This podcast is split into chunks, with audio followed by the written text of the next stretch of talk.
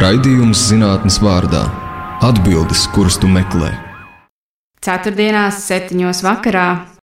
Esiet sveicināti raidījumā Zinātnes vārdā. Ar jums kopā ir Ieva Siliņa. Piesakot šodienas viesņu, ir grūti izšķirties, ar ko sākt. Vai šis ir stāsts par veiksmīgu zinātnieci, kas kļūst par uzņēmēju, varbūt par Latvijas dabas bagātību izmantošanu vai pasaules pārtiks krīzes risināšanu, bet varbūt par aprits ekonomiku, kurā katrs resurs tiek liederīgi izmantots līdz pēdējiem. Bet varbūt viss nosauktais kopā. Par to ļaušu jums lemt pašiem. Šodien studijā viesojas jaunā zinātniece Kristīna Irtiševa. Kristīna ir Rīgas Tehniskās Universitātes materiāla zinātnes un lietišķās ķīmijas fakultātes doktorante, Rīgas Tehniskās Universitātes vispārīgās ķīmijas tehnoloģijas institūta pētniece un Sija Humiko dibinātāja. Kristīna Irtiševa strādā pie inovatīvas tehnoloģijas augsnes bagātināšanai, izmantojot Latvijas purva bagātību kūdru. Strādājot pie savas disertācijas, kūdras apstrādes tehnoloģijas optimizācija, Kristīna izstrādāja tā saucamo šķidro kūdru, izveidoja jaunu uzņēmumu, savu atklājumu nogādāšanai līdz klientiem. Šobrīd Kristīna pēta arī kūdras kā saistvielas iespējas, kūdras biokompozīta materiāls un pat granulēšanu. Iespējams, ka kūdra nākotnē palīdzēs attīrīt balstūdeņus no mikroplasmas. Par to arī mūsu šodienas saruna - kūdra daudzveidīgo dabu, kā praktiski rūpēties par savu piemājas dārziņu un par zinātnē bāzētiem jaunu uzņēmumiem. Mūsu raidījuma viesņa ir Kristīna Irtiševa. Sveika, Kristīna! Labdien! Sākot sarunu, vajadzētu uzskaidrot pašu svarīgāko. Saki, kas tieši ir kūdra? Nu, šo jautājumu uzdod diezgan daudzi, bet kūdra ir organisks izcelsmes resurss. Mēs visi esam gājuši cauri purviem. Es domāju, visiem patīk ķemeru, tā kā dabas rezervāti.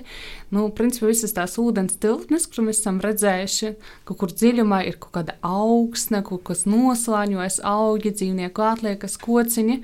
No laiku pa laikam sanāk tā, ka tur nav skābekļa un mikroorganismi, kas tur aktīvi darbojas, veido dažādas daļiņas sadalījumus, un tad tā ir tā kūdra, tā ir organika.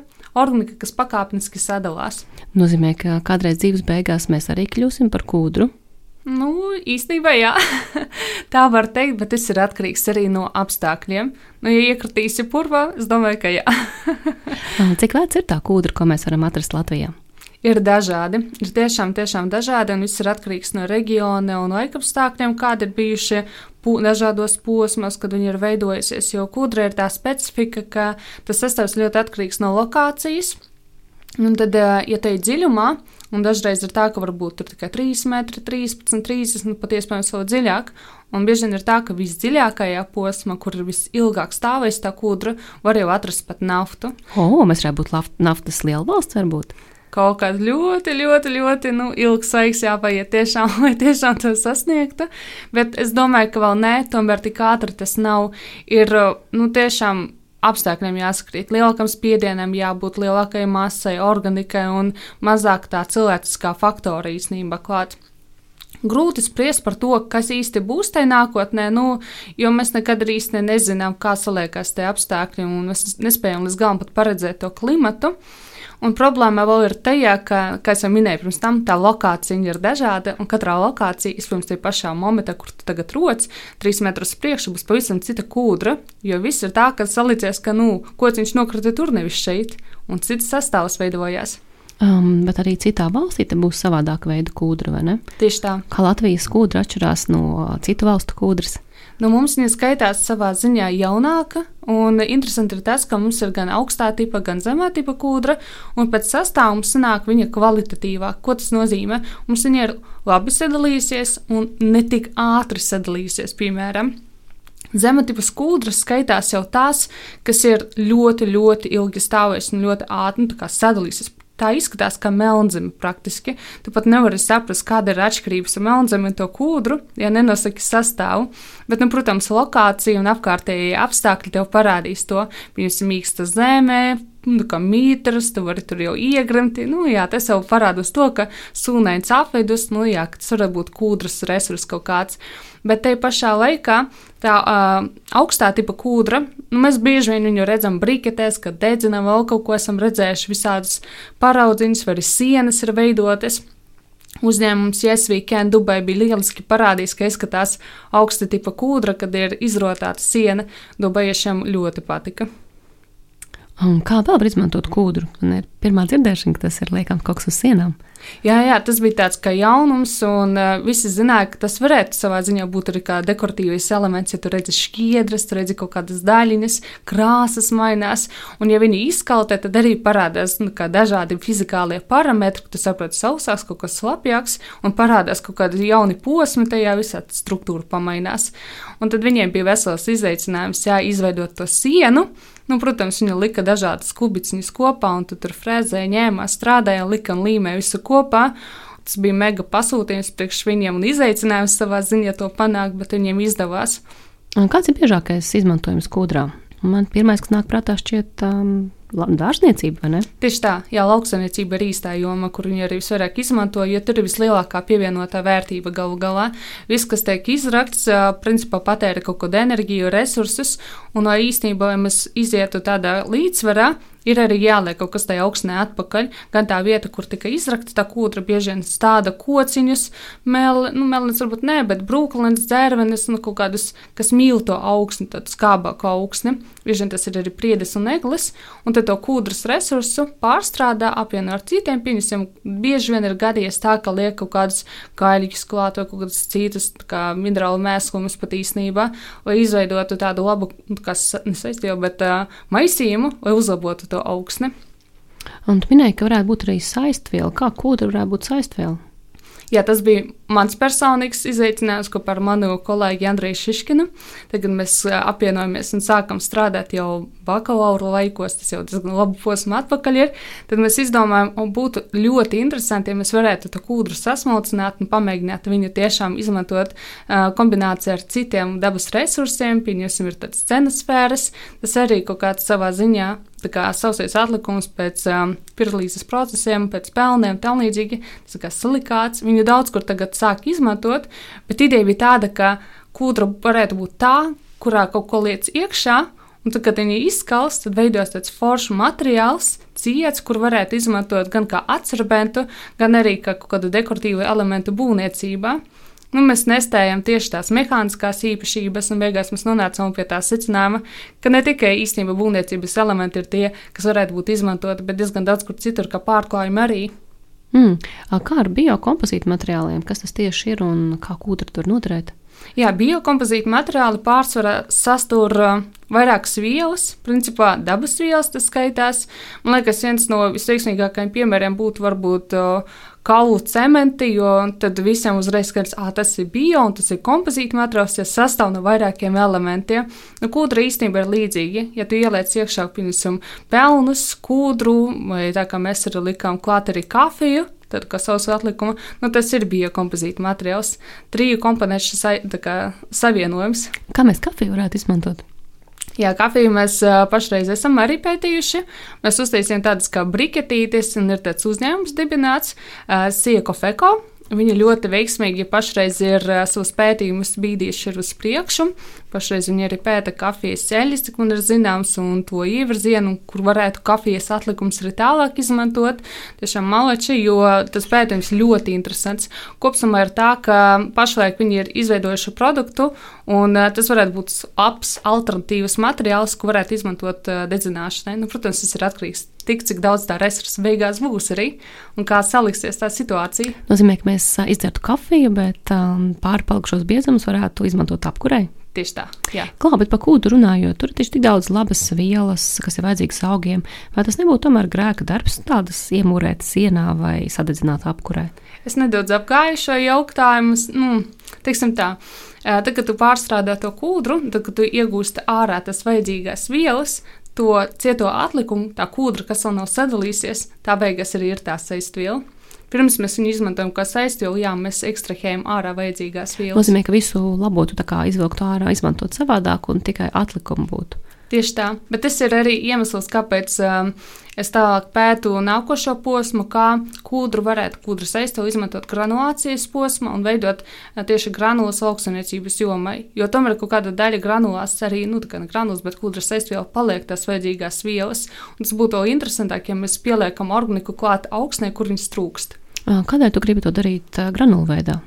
Granulu veids īstenībā ir loģiski iz, saka, izskaidrojums pēc loģistikas principa. Ir uh, daudz neizdevīgāk vest kaut kādu šķidrumu tālos posmos, pirms mēs eksportējam, tā vietā, lai pieņemsim sausu kaut kādu masu pārsvaru. Nu, svars, jā, noteikti, jā. Tieši tā.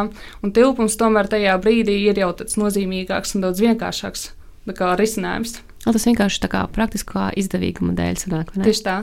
Nu, tam jau laikam par to visu zinātnē ir. Nu jā, ķīmijas tehnoloģija gal galā. Kā tu vispār nonāci līdz šai ķīmijas tehnoloģijai un zinātnē? Nu, tur nedaudz uh, savā ziņā man palīdzēja Aivana Māra plotniecis, jo viņas man bērnībā bieži vien pieskatīja, un es man bērnības auglītes bija arī. Un es ļoti iedvesmojos no viņu ceļošanas, un es vienmēr smējos, arī ļoti gribu ceļot. Un tad es arī sapratu, ka jā, ka varētu pamazam arī iet uz to pusi, bet vidusskolās arī sapratu, ka ķīmija spēja atbildēt uz ļoti daudziem jautājumiem. Un kā es parasti smējos, ja es palikšu uz vientuļas salas, vienalga izdzīvošu, jo ķīmija spēja visu, tiešām daudz. Un man ļoti iedvesmoja tas, ka es spēju rast tās atbildes, ka nav tādu momentu, kad es sapratu, es nezinu, kā tas strādā. Tu vienmēr visu laiku pēti. Mm, kur tu ikdienas dzīvē redzi ķīmiju? Principā visur. Nu, es neskatos, piemēram, uz galda kā uz galda, es skatos kā uz biokompozītu materiālu, kurš ir salikts pa slāņiem. Es jau iztēlojos, kā tā tehnoloģija iet, kā tur kaut kas jāfrazē, cik tas beigās varētu izmaksāt, un tā tas reiz iet pa ķēdīti, un kur vēl varētu kaut ko interesantu ar viņu darīt. Tu vairāk var teikt, ka tava kaislība ir jauna tehnoloģija izstrāde, mazāk konkrēti vielas. Tieši tā, jā. Tāpēc, ka daudz, manuprāt, neaizdomājas līdz galam, ka nu, pieņem faktu, pieņemsim, ka šī viela var būt pielietota tikai tur. Kaut gan īstenībā viņa ir daudz funkcionāla, viņa var būt daudz kur pielietota. Vienkārši dažreiz tai radošai pusē ir jāatklājas, un tehnoloģija ir tas, kas kā, palīdz sev vairāk vīdīt tajā virzienā. Nu, jā, tā kā kafija apkurē, vai ne sevišķi šajā sezonā, kad mēs paapkurinājam daudz un dikti vai nekarsta kafija un atkal apkurē. Kā iedvesmot citus jauniešus tiem karjerā? Jo mēs taču redzam, ka nākotnē pateicībā vajadzēs arvien vairāk cilvēkus, kam tiešām gribas jaunas tehnoloģijas, jaunas atklājumus. Es teiktu, droši vien, ja mēs sāktu jauniešiem vairāk stāstīt par to, un kas ar viņiem, tiksim, ikdienā ir daudz, daudz zinoši. Nu, pieņemsim, kāpēc uh, dzelzs vitamīnu ir tik svarīgi dzert, un tas ir, sasaistīts ar asins ķermenīšanu, tur un to saturu, un tām koncentrācijām, kas ir koncentrācija, atkal parādās jautājums. Pieņemsim, krāsa reakcijas vienmēr bērns piesaista, kāpēc krāsa mainās, ak, kāpēc gāze izdalās, tad tas, tas ir panesās, un viņi saprot, o, es gribu būt ķīmikas. Viss ir atkarīgs no tā, cik iedvesmošanas ļoti mīli savu darbu, savu profesiju. Un es uzskatu, ka skolotājs tiešām mīl ķīmiju un ar tādu iedvesmu spēju parādīt bērniem, nu tur nevajag neko interesantu, baigi neiespējamu stāstīt. Tas vienkārši pats automātiski notiek. No malas jau izstāsta pēc mazliet pēc maģijas, vai ne? Visas krāsa maiņas. Tieši tā. Vienīgi zinātne ir tā lieta, kas maģiju tiešām atņem no dzīves. Es teiktu, tā, ka es ikdienā bieži vien nu, skatos arī nedaudz savādāk. Viņiem ir atomi, uh, ir molekulas, pastāv kaut kādas saites, enerģijas apmaiņa un tam līdzīgi. Mēs varam izskaidrot, kādas enerģijas apmaiņas notiks, kāpēc ir jāsilda, jo tur taču enerģija pārvietojas no mehāniskas uz siltumu un tam līdzīgi no fizikas visi atceramies. Nu, dzīvē ir kaut kas līdzīgs. Mēs paspiežam viens otram roku, mēs jau arī savā ziņā apmainamies ar enerģijām, siltumu galu galā, ja tev ir augsta roka, mēs viņu nedaudz sasildām, un tā tas viss arī aiziet. No ķīmija spēja to izskaidrot. Mums nav jāiet uz ezotērikas kursiem. Ja jūs varat aiziet uz ķīmiju un nedaudz vairāk saprast tādā veidā. Ko nozīmē būt kodra pētniekam ikdienā? Nu, kāda izskatās tava diena? Jā, īstenībā es visu laiku pētu tagad lauksaimniecības žurnālus. man tiešām tas sāk interesēt. Kurā vēl darbā var lasīt žurnālus, vai ne? Jā, ārprāts vienkārši domāju, nu, ka tikai visu paspēt, bet uh, mans kolēģis Eigars Bērziņš man tiešām palīdz. Viņš ar mani dibinājuši uzņēmumu, viņš vienmēr iedod man kaut ko palasīt, interesantu. Kristīna, tev tas jāredz, iedod savu viedokli, ko tu par šo domā. Un tad mēs arī apmaināmies, mums ir kaut kāda diskusija par šo jomu, bet atkal ar Andrēs varu par zinātni parunāt, un mēs cenšamies visu laiku, nu, tā kā konvertēt tās iespējas, kas, ko mēs varētu kur virzīties un iet. Un jāsaka tā, ka dažreiz tiešām trūksta laika, lai visu paspētu, bet, eh, ja tu sakārto to darba dienu, tu tiešām zini, ka tev vajag kaut kādas divas stundas kaut kam tam, tu izdari, tad tev ir tas laiciņš brīvāks. Nevajag mēģināt grābt visu vienlaicīgi. Bet tas principā ir darbs laboratorijā, darbs pie datora, vai arī sanāk kaut kur iziet kūdras laukos. jaunai doktorantei laikam būs tomēr darbs pie datora vairāk nekā jau laboratorijā, jo tas etaps jau ir iziets un tie jau daudz ātrāk un efektīvāk strādā. Bet, protams, laboratorijā ir jāparādās un jāstrādā, jo Vienmēr ir kaut kāda jauna ideja, ko varētu realizēt un izveidot, un tev gribās to eksperimentu ātrāk uztaisīt, un kamēr viņš tur sanāk, aiziet laiks, un tu gaidi, un tu nākušajā, nākušajā dienā atnāc, un redzi to rezultātu savu. Bet kūdras laukos esmu pabijusi. Man ir bijis tā, ka man uzzvana dažreiz paši nu, kūdras resursu turētāji, ja tā var izteikties, un saka, Kristīna, es gribu, lai jūs izstrādājat mūsu kūdru, es gribu, lai tā kūdra ir pievienota vērtība. Vai tu Latvijā jūties novērtēta kā zinātniece?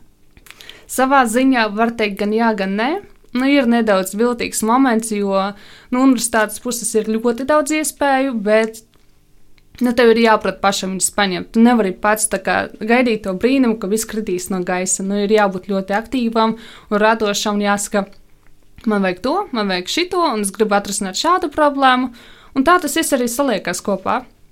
Atbalsts viennozīmīgi ir no malas prieks to dzirdēt. Šis ir raidījums zinātnes vārdā, jums kopā ar Ievasiliņu. Viesos mums šodien ir ķīmijas tehnoloģija doktorante Kristīna Irtiševa. Iepriekš runājām par to, kā tad ir būt zinātniekam Latvijā. Tagad gribētos vairāk parunāt par tevis, Kristīna, izstrādāto šķidro kūdru. Saki, kā kūdra var būt šķidra?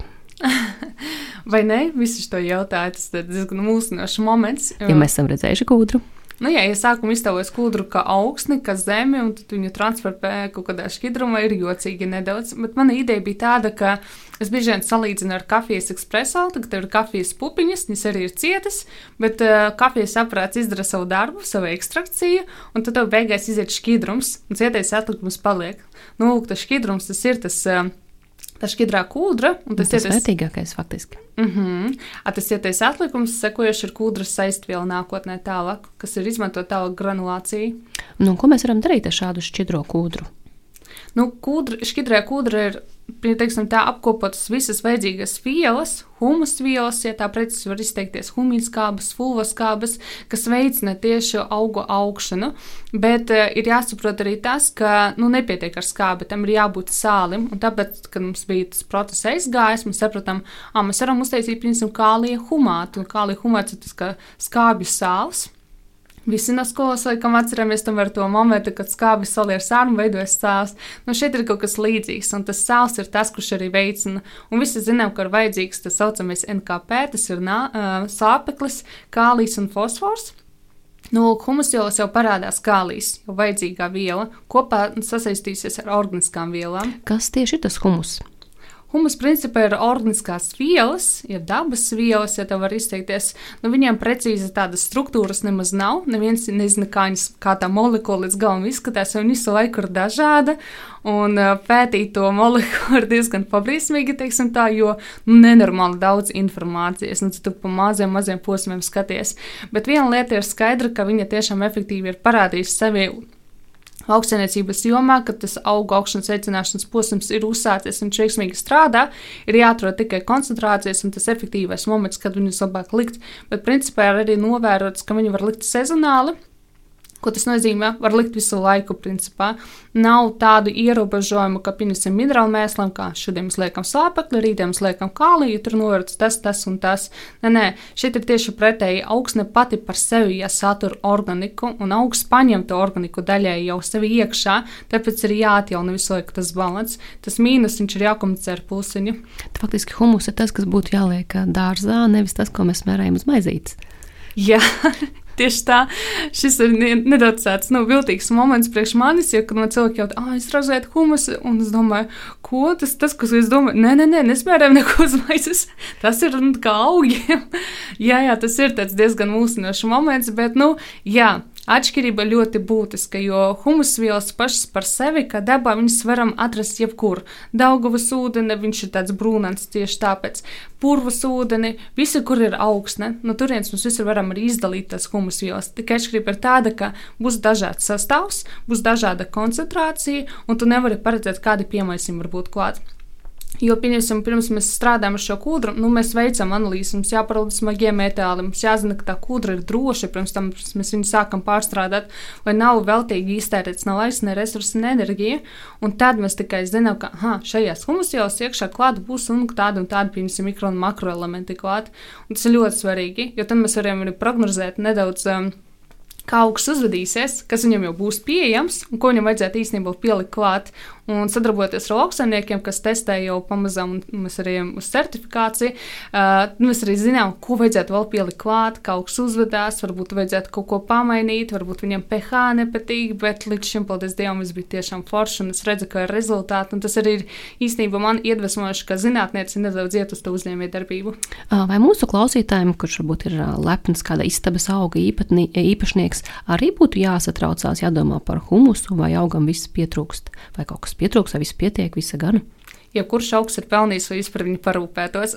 nu, jā, jo pašiem ir jāsaprot, ka, jā, ka tā augsne kad, eh, kad tu iestādi to augu, nu, viņi arī pamazām degradējas. Neveltīgi jūs laistat ūdeni klāt, jo istabā ir silts, ūdens vai ko ārā, augsts kaut ko, nu, paņem padzerās, pusot, kad šī mainiet augstu, un es redzat, ka augsta maina krāsu dažreiz, ka lapas mainās, un tie, nu, vērojumi jau parādās ar laiku, jūs saprotat, nu, būtu forši kaut ko pieliet klāt. Kā es to varu saprast? Principā augam ir tā, ka mainās jau nu, no zaļa uz paiet uz oranžu, jau dzeltē lāpiņas, un jau saproti, ka viņam kaut kā trūkst. Un varbūt arī tā, ka ne tikai makro, mikro un makroelementi trūkst, bet arī tā organika. Viņš ir paņēmis tik daudz, viņš ir paņēmis, viņam trūkst nedaudz to resursu. Un ideja ir tāda tam humusvielam, ka tik pa brīdim pieliek klāt jau un iedot viņam to stimulu augt ātrāk, paņemt to, ko vajag. Un bieži vien jau ir tādi gadījumi, kad augsnē jau ir viss, kas vajadzīgs, mikro un makroelementi, bet augsne nespēja paņemt, jo nav tā tiltiņa pa vidam, augam nav tās vajadzīgās vielas, kas spētu tā kā, nu kā jau pasaka, mašīnīt pārvest pāri līdz augu saknītei, samuzglītei, un tā kā augs varētu pa stumbradiņu vēl celt augšā tas viss vajadzīgo komponenti. Nu, runā jau, ka vispār augsnes kvalitāte kopumā kļūst zemāka. Ja Latvija to pagaidām tik stipri nenovēro, bet Spānija, Itālija, kur klimata pārmaiņu pēc var redzēt, ka temperatūra ir paaugstinājusies, viņiem tas, ir, nu, viņiem tas maksā ļoti dārgi. Es, kad šovasar braucu uz Spāniju, es redzēju saulespuķu laukus, kas ir melni. Viņi tiešām bija melni. Es, kad bildē, es nespēju noticēt savām acīm, ka tas vispār ir iespējams, bet problēma ir tajā, ka augsne žūst pārāk ātri, ir samazinājies gruntsūdeņa līmenis, un arī organikas līmenis, protams, ir samazinājies, ja ūdens savā ziņā arī cirkulē un pienes kaut kādas vielas klāt. Un organikai tā īpatnība savāk ir tāda, ka viņa notur ilgāk to ūdeni, viņa sasaistās ķīmiski, un tas ūdens nevar tik viegli no temperatūras ietekmē iztveikot un ātrāk nonākt līdz augam. Tas ir tas lielākais pūstām humusvielām. Nākošais posms ir tas, ka, ja mēs skatāmies no klimata pārmaiņu aspekta, nu, mums ir jāsaprot to, ka mainoties videi, mainīsies arī organikas saturs. Pašlaik Latvijā viņš nav novērots tik rasi, citur pasaulē ir, bet mums arī viņš sāk samazināties. Ja mēs paskatīsimies, mums ir četri reģioni, un viņi nav vienādi. Um, bet, ja es dodos uz lielveikalu, iepirkt um, kādu garšīgu augu, augli vai dārzeni, mm, tur jau arī viņš ir audzis, varbūt tur nav pietikuši nemaz uh, uzturvielas, varbūt šis um, dārzens vai auglis nedod to, ko cilvēkam vajag. Jā, tas arī jāņem vērā, ka bieži vien tas, ka jūs iestādāt to augu un viņš tur aug kaut kādā vienkāršā augsnītē, Nu, tas nav arguments teikt, ka tas augs būs dabīgs. Viss ir atkarīgs no tā, ko jūs liekat klāt, kā jūs apstrādājat. Paši zinām, ka, pieņemsim, vatē audzēt kaut kādu tomātu, un ko mēs beigās nopērkam kaut kādā maksimā, un viņam nav tās pievienotās vērtības. Tur nebūs tās uzturvielas, kas būtu, ja es paņemtu tomātu, kas ir siltumnīcas audzes jūsu pašu mājas dārziņā vai tieši uz balkona. Jūtās jau garšas īpašības, ka viņas ir dažādas, pēc ķīmiskās sastāvā var redzēt, ka ir šķiedrvielas dažādas, pilnīgi dažādas komponentes parādās. Mm, bet kā mūsu klausītājs var zināt, kurš tomāts ir vatē audzis un kurš ir audzis labā dārziņā? To, diemžēl, mēs nevarēsim tā uzreiz pateikt. Nu, viena no īpatnībām jā, ir garša, bet te pašā laikā nu, es visiem iesaku silti pamēģināt pārvarēt sevi un pamēģināt kaut ko izaudzēt mājas lodziņa. Tas nav nemaz tik sarežģīti. Jāsaka ar kaut ko vienkārši ar dilītēm pētersīļiem, un tad arī aiziet tas viss. Man personīgi vēl joprojām uz mājas uh, uh, maliņas, uz ulu maliņas stāv tomāta stādiņš, un viņš pašreiz zied. Zemenis jau zied, un es gribu pāreksperimentēt, vai tas otrais cikls būs veiksmīgs vai nē. Man arī ir telpa dārziņš, un uh, tiešām šo lietu ļoti atbalstu. Uh, bet sāki vai tā ekonomiski un savādāk atmaksājas pašam audzēt savu pārtiku. Jā, tur ir jāņem vērā sekojoša vērtība. Tad, kad uh, jūs ieliekat resursus un jūs gribat atpelnīt naudu, tas ir viens. Bet, ja jūs gribat kaut ko izaudzēt, nu, ir jādomā par to kvalitāti klāt. Jo kvalitāte ir viens no svarīgākajiem aspektiem. Jēga ir izaudzēt kaut kādu tomātu vatē, Tas, protams, arī maksās naudu, bet, ja tu izaudzētu siltumnīcu, nu, cilvēkiem pirmām kārtām būtu prieks, tas ietekmē arī jūsu veselību un visu pārējo sistēmu. Stāsts ir par to, ka bieži vien mēs neaizdomājamies par to sistemātisko analīzi, kas būs tam klientam. Ja klientam patiks, nu, viņš nu, kādam ieteiks, un tā tas reizes pa ķēdīti, un tā sliktā prakse, viņa samazinātos. Bet mūsu gadījumā nauda bija tas limitējošais faktors, tāpēc tā prakse ir nedaudz pamainījusies. Um, ja mūsu klausītājs ir izdomājis pabarot savus, uh, savā aprūpē esošos augus, uh, vai viņam ir iespēja kaut kur iegādāties humiko ražoto um, šķidro kūdru? Humus. Jā, mēs esam izveidojuši mājaslapu ar tādu mērķi, lai nedaudz izstāstītu, kas ir humusvielas, par mūsu pētījumiem, protams, arī un iespēju iegādāties šo produktu, bet nemūstiet! Tur ir divas dažādas cenas.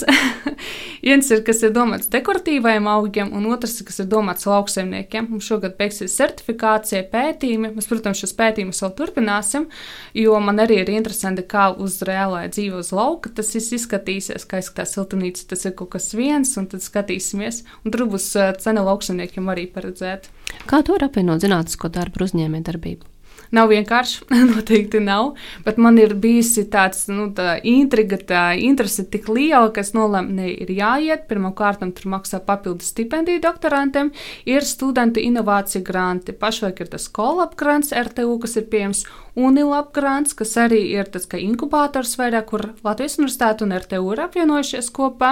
Man liekas, ka Rīgas Strada universitāte arī būtu kaut kādā momentā jāparādās. Un ir PAP grants, tas arī tas attīstības um, labs posms ir. Un ar šiem grantiem ejot cauri, es iemācījos, kas ir uzņēmējdarbība, kādam ir jābūt tam biznesa plānam, ko grib sadzirdēt investors, un galu galā es sapratu, ko grib arī klients. Un es sapratu, kāda ir problēma. Un man svarīgākā problēma, ko es mēģinu pašreiz atrisināt, vai tas um, izmaksas lauksaimniekam uzlabot augsni samazinās un palielināt organisko saturu augsnē, jo tas ir viens no svarīgākajiem aspektiem. Ja mums nebūs organikas augsnē, tas būs smilts, tas būs pāks īstenībā. Es atvainojos par savu franču valodu, protams, bet ideja ir tāda, ka nu, mums ir jādomā par to, ko mēs darām, kādas būs sekas. Ja mēs pieņemsim, iestādīsim tomātiņu kaut kādā kastītē, kas ar to augstu notiks pēc tam, kas tur mainīsies, kā trūks. Um, ja mums kāds klausītājs gribētu savu jaunu uzņēmumu, to arī ieteiktu griezties tieši meklēt grantus, vai kāds būtu ieteikums? Jā, es viennozīmīgi ieteiktu, tāpēc, ka gribēt ir viens, bet saprast, vai tu vari un ko ir jādara un kādi ir tie soļi, tas ir nākošais. Es personīgi sāku jā, ar, um, ar vairākiem grantiem. Pirmais bija, protams, skolap, kur man attīstīja un teica, o, oh, tu esi gatava aiziet uz universitātes inkubatoru, un es domāju, ko es tur, tur darīšu. Bet es tā aizgāju, un es ne brīdi nenožēloju. Es iegūstu tik daudz interesantus viedokļus, un nebaidieties no to momenta, kad jums uh, kritizē jūs, ka tā nav problēma, ko tu esi sadomās. Tas taču arī tā nestrādā. Otrādies ar sajūsmu pieņemiet šos vārdus, jo tiem cilvēkiem nav viena alga. Viņi rūpējas par jums tādā veidā. Latvijā ir pieteikušas atbalsts uzņēmējiem, kas vēlas komercializēt zinātniskus atklājumus. Jā, mums ir ļoti, ļoti paveicies. Pašreiz ir tā, ka ir tāds komercialization reaktor. Viņi palīdz zinātniekiem un uzņēmējiem sajiet kopā un bīdīt šo ideju uz priekšu. Nekad nebūs tā, ka tas, ko esat izveidojis laboratorijā, ar to viss apstāsies. Tas ir tikai sākuma posms. Jums būs vēl daudz, kas jāmaina. Un nebaidieties no tā, finansējums arī ir atrodams. Ja jūs atrisināt kaut kādu tiešām svarīgu, vitāli svarīgu problēmu, gan farmakoloģijas jomā, gan IT nozarē, tas viss var attīstīties. Jums jābūt diezgan radošiem. Un, ja radošais cilvēks vēlās nodarboties ar uzņēmējdarbību, bet pats neko nav zinātniski atklājis, vai ir iespējams atrast kādu zinātnieku sev? Jā, pašreiz ir tāda praksa arī aizgājusi, kā jau minēju, komunikācijas reaktorā, kad ar zinātnieku ir iespējams satikties, bet tikpat labi jūs varat iet uz universitāti un teikt, man interesē šī un šī tēma, jūs varat ieteikt kādu zinātnieku vēlētos sadarboties, varbūt ir kaut kādi pētījumi veikti, jau eksistē kaut kādi patenti Latvijā, jo mums ir šī problēma, ka patenti jau ir izveidoti, zinātnieki savu darbu ir izdarījuši, bet viņi negribēja uzņēmējdarbību, viņi vienkārši priekš sevis lai ir forši tāds CV, lai viss notiekās. Un eh, sanāk tā, ka tas patents vienkārši stāv. un uh, beigās ir iespēja realizēt to patentu pašam. Protams, tur beigās būs tā, ka, kad, kad jūs sāksiet pelnīt, jums kaut kāds procentiņš būs universitātei jāmaksā. Nu, kas ir diezgan godīgi. Tieši tā, un tā cena nebūs tik milzīga. Jūs varēsiet attīstīties un iet uz priekšu. Jums nekāda parāda tur neveidosies. Ideja ir tāda, ka nu, gribēs ar foršu gan universitātei, gan jums kā uzņēmējiem. Nozīmē, ka faktiski iespējas ir gan zinātniekiem, kas ir ko atklājuši, gan kādam, kurš gribētu strādāt kopā ar Tieši tā, jā. Burvīgi. Šis ir raidījums zinātnes vārdā. Ar jums kopā ir Ievsiliņa. Šodien mūsu viesņa ir uzņēmēja un jaunā zinātniece Kristīna Irtiševa. Iepriekš runājām par zinātnisko atklājumu, pārvēršanu produktos. Tagad gribētos mazliet pieskarties nākotnē. Saka, Kristīna, vai tu kūdru redzi mūsu nākotnē? Viennozīmīgi, jā. Mēs visi tagad lieliski saprotam, ka mums ir energo krīze. Kūdra būtu lielisks risinājums šim jautājumam, bet, protams, Eiropas Savienība ir cits redzējums par šo jautājumu. Un, kāpēc? Kāpēc? Un kāds ir viņa redzējums? Nu, problēma pirmām kārtām ir tajā, ka visi uzskata, ka, ja tu izroc kūdru, tad tu palielini CO2 emisijas. Jo tiek patērēta enerģija, tiek piesaistīti nenormāli resursi, cilvēku resursi.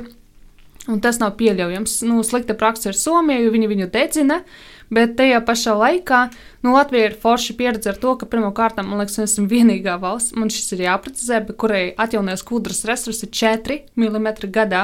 4 tas ir ļoti daudz. Citiem vispār viņa nav nekāda 0,02 vai kas tamlīdzīgs.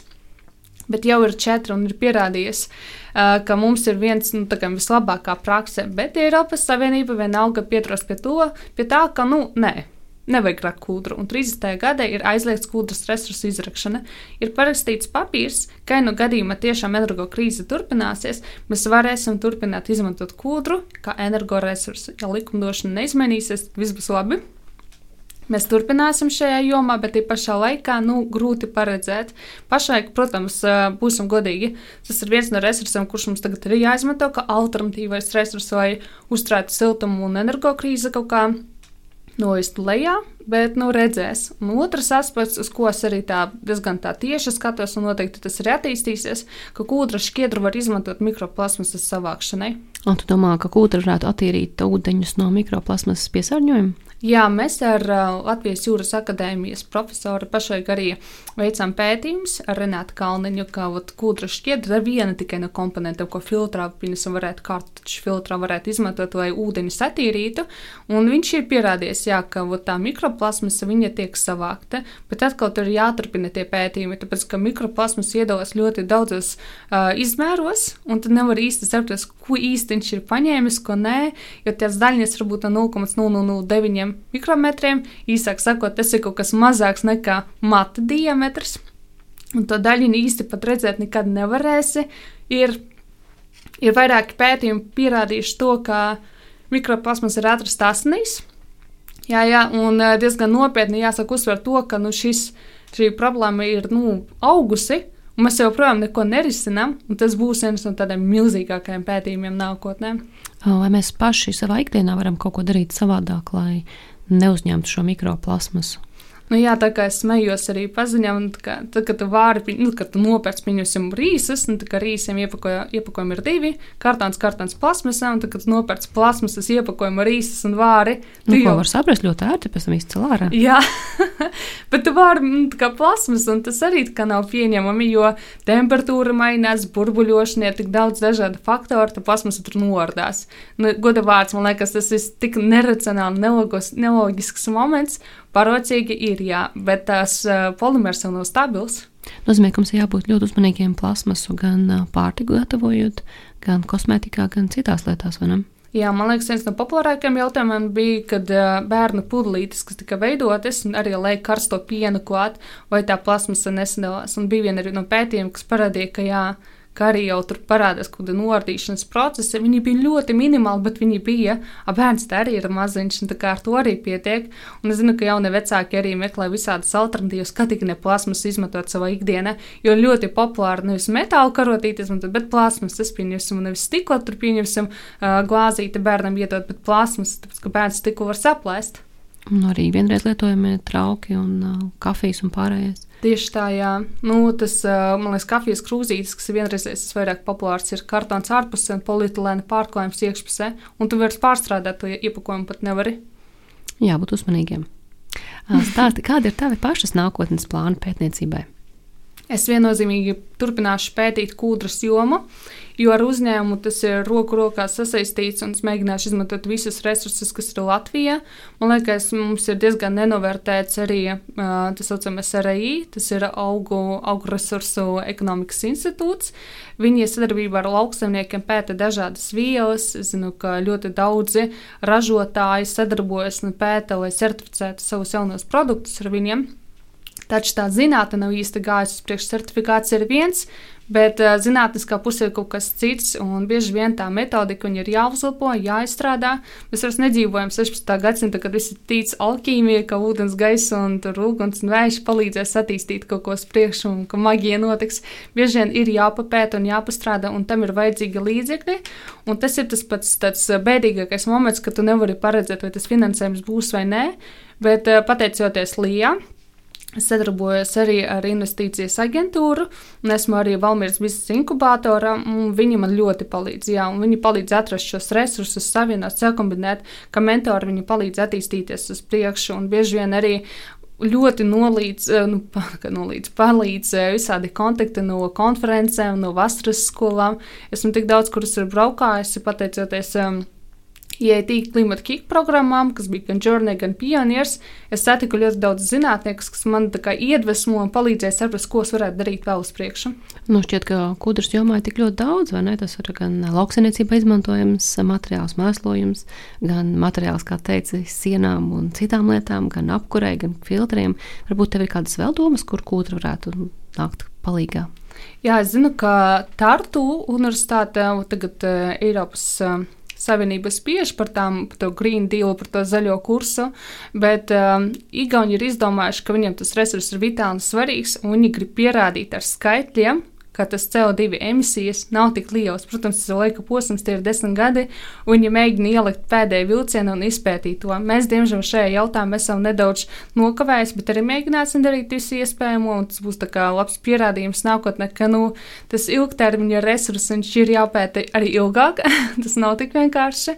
Un es viennozīmīgi redzu to, ka kūdras resurs tiks izmantots turpmāk lauksaimniecībā daudz vairāk, ir jāizmanto. Tīpaši stādēm tas ir ļoti svarīgi, jo stādi nespēja um, izaugt parastā augsnē. Ir vajadzīga poreine ar gaisu, brīva telpa, un kūdra šķiedra tieši to arī nodrošina. Um, varbūt tad ar laiku tavā uzņēmumā būs vēl citi kūdra produkti.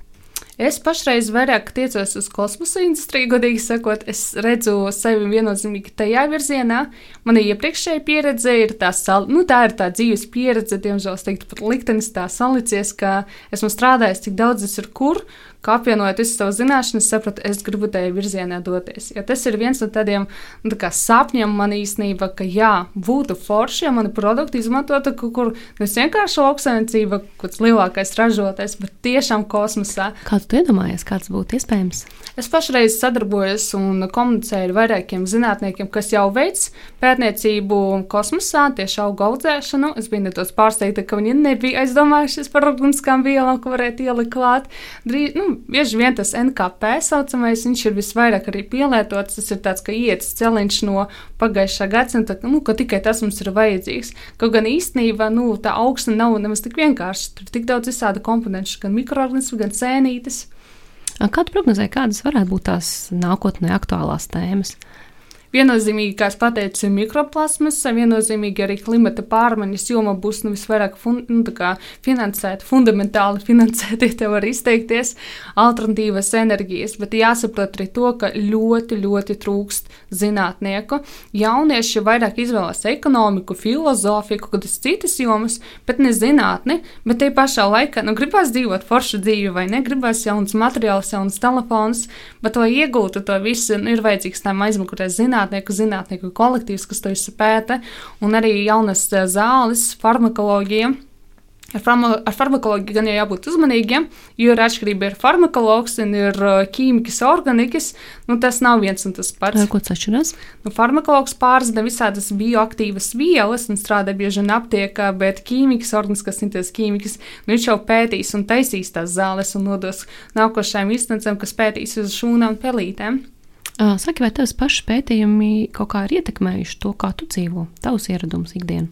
Jā, man liekas, esmu palikusi tāda zaļāka, ja tā var izteikties, ilgspējīgāka, jo es tiešām cenšos domāt, ko es pērku, ko es ēdu, kāda ir kvalitāte tam pro, uh, produktam. Jo īstenībā pat uzņēmējdarbība vairāk ir mainījusi mana dzīve nekā pētniecība, jo ar uzņēmējdarbību es sāku veidot vērtības tam produktam, kas, humiko, kas ir izveidots. Man uz iepakojuma ir zaļie pirkstiņi. Viņi nav vienkārši tāpat, viņi ar domu, ka jūs esat zaļāki, jūs varat būt zaļāki un neiet uz to. Un ar ideju uh, mēģinu nodot tālāk arī vērtības, kas ir man, un es gribu ar viņiem padalīties. Un zinātnē, man liekas, ir jābīd uz priekšu ikvienam. Ne tikai tāpēc, ka tu esi zinātnēks, bet tikai tāpēc, ka tu arī esi tas, kurš to lietos, tas, kas uzturēs to nākotni. Un viens no tādiem aspektiem, ko es gribētu arī pieminēt, ir tas, ka zinātnieki ir jāatbalsta ne tikai morāli, bet bieži vien arī jālaiko vai tiešām nu, jādod abas komentārus par abiem pētījumiem, vai jūs tas tiešām interesē. Jo esmu lasījusi tādas pētījumus. Um, kas līdz galam nav saprasti. Man liekas, 3D printeris ir viens no tādiem, kas nebija sākumā saprast, kurš šo pētījumu pielietos, kurš kam mums tas ir vajadzīgs, kāpēc tā nav tikai izmantota. Un, kad atnāca uzņēmums, pateica, o, mēs varēsim printēt kaut kādus mākslīgos orgānus, kaut ko tam līdzīgu, visam tāds, ah, tu vari tā izmantot. Bieži vien vienkārši nesliekās tās zināšanas kopā. Un tā paša elektrība kādreiz teica, vai ne? Mm -hmm. Nevar zināt, kā to izmantos. Nu, elektrība tur, jā, tur ir, man liekas, tik daudz visādi jaunumu, un, jā, atomenerģija atkal nāk atpakaļ. Es zinu, ka Čehija atkal būvēs atomelektrostācijas, bet es ceru, ka mēs neiziesim tik tālu, ka mēs tomēr paliksim varbūt tomēr pie tiem kūdras resursiem un alternatīviem. Man, diemžēl, ir jānosoda saules paneļi un vēja ģeneratori, jo tie biokompozīti materiāli, ko viņi izmanto pašreiz, nu, viņi nesadalīsies, viņi būs jāpārstrādā, un ja mums atradīsies zinātnieks, kurš izdomās, kā to visu pārstrādāt, cepuri nos, es viņam paspiedīšu roku. ļoti laba ideja pētniecībai. Bet saki, kādi tavs pašas zaļie paradumi? Ko tie ieteiktu mums klausītājiem? Man liekas, es esmu nenormāla stāda mīla. Es vienmēr, kad ieeju kaut kādā veikalā, man jānopērk kaut kāda puķa. Vai nu tā ir paprika, čīle, nav svarīgi. Man vajag sēkliņas ar atvērtu. Jā, man viņas vajag. Man ome katru reizi lamājas, kas kādu stādu atveda mājās, jo es gribu siltumnīcā kaut ko jaunu iestādīt. Un man mājas arī, es nāku pati no lūksnes, un mums ir tur lauksaimniecība, tāda maziņa, bet, nu, nu kā savām vajadzībām pietiek. Un mēs vienmēr kaut ko stādām un ņemamies, un Aivon Māra potniecis arī viņas ir vēl trakākas nekā es. Viņas vēl vairāk ar dārziņiem ņemās. Viņas ir apbrīnojamas šajā jomā. Viņas arī man iedvesmos to. Un es bieži vien cenšos, tā kā ir lietas, ko var pamainīt, un lietas, ko nevar. Pieņemsim, es joprojām braucu ar mašīnu, būšu godīga, un es šo paradumu nemainīšu, un man mans laiks ir dārgāks nekā benzīns, godīgi sakot. Un tad, kad tu sāc skaitīt kopumā, tas darbs, ko tu izdarīji, viņš ir ar lielāku vērtību nekā tas patērēta degviela ar tām emisijām. Bieži vien mēs neaizdomājamies par to, ka tas, ko mēs darām, ir svarīgi. Netērēt savu laiku veltīgi, dariet to, kas jums patīk, un ar pievienoto vērtību. Nozīmē, tu skaties visu no vērtību prizmas. Tieši tā, nu, man liekas, jebkuram tā ir jādzīvo, jo nu, priekš kam darīt to, ko tu negribi, un tam nav vērtības beigās. Zinātnē arī tas pats ir, ka bieži vien man jāatzīst, ka organiki bieži vien, kad strādā, viņi paši līdz galam nesaprot, kur, tiks, nu, kur tas tiks izmantots. Bet ir tā atgriezeniskā neredzamā puse, ka beigās, varbūt pēc 20 gadiem, to atklājumu kāds redzēs un teiks, tieši laikā, tieši tas, kas vajadzīgs, un izmantos kaut kādām, es nezinu, suprakrutām zālēm. Tas sanāk, tavs uh, hobijs tā kā dārzniecība. Jā, nu ne tikai.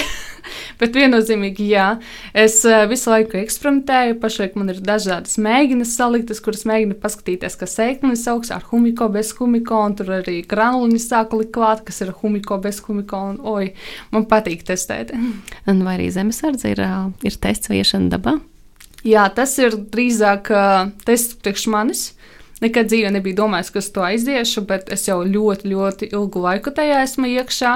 Un es ne brīdi nešaubos, ka es izdarīju nepareizi lēmumu. Tieši tas, kas vajadzīgs, ja es būtu zinājis bakalaura laikos, es jau tad būtu aizgājis. Bet es saku, domā, ah, nu tad taču ir armija, priekš kam man to vajag. Nē, es iemācījos gan kā sniegt pirmā palīdzību, gan orientēties, gan arī palīdzēt savu savā ziņā, kārtot savu to darbu laiku un plānot visu uz priekšu, domāt par to, kas būs rītdien. Tā taktikai viņai pa dzīvi visur ir jābūt klāt. Kas būtu ieteikums mūsu klausītājiem? Viennozīmīgi ejiet uz zinātnē. man vajag jaunas kolēģis. man viens meitenes apkārt ir, nu labi, man ir paveicies. Manā laboratorijā, protams, vairāk puiši, jo esmu ķīmijas tehnoloģis galu galā. Tas darbs ir nedaudz smags, jā, bet tomēr jāstrādā ar prātu uz priekšu. Un jaunajiem uzņēmējiem iesaku arī sadarboties ar tehnoloģiem. Jums noteikti būs ražošanas līnija, bet jūs varēsiet to iztaisīt daudz efektīvāku, daudz um, daudz vairāk samazināt gan emisijas, gan energoresursus un iekonomēt beigu beigās savu naudu. Netaisiet atkritumus, jums viņi nav vajadzīgi. Un jūs arī varat izdarīt tā, lai jums arī beigās tā dzīves liekas nedaudz vienkāršāka. Jo vienkāršāks ir risinājums, jo efektīvāks viņš ir. Nu, faktiski katrs materiāls ir izmantojams līdz pašam pēdējiem. Ne? Tieši tā. Tad, kad tu zini, nu, kā viņš sastāv, sastāv tad arī zini, kur viņu tālāk var izmantot. Paldies! Kristīna ļoti priecājas tiem sasniegumiem, novēl panākums arī turpmāk. Paldies! Atgādinu, ka raidījumā zinātnes vārdā bija ķīmijas tehnoloģija doktorante uzņēmēja Kristīna Irtiševa. Studijā bija Ieva Siliņa. Lai sekot jaunumiem mūsu rādio, atcerieties piesakot atrādio un ap kanāliem, sociālajos tīklos, Facebook un Instagram. Lai jums visiem auglīga nedēļa! Atā! Raidījums zinātnes vārdā - atbildes, kuras tu meklē. Ceturtdienās, septiņos vakarā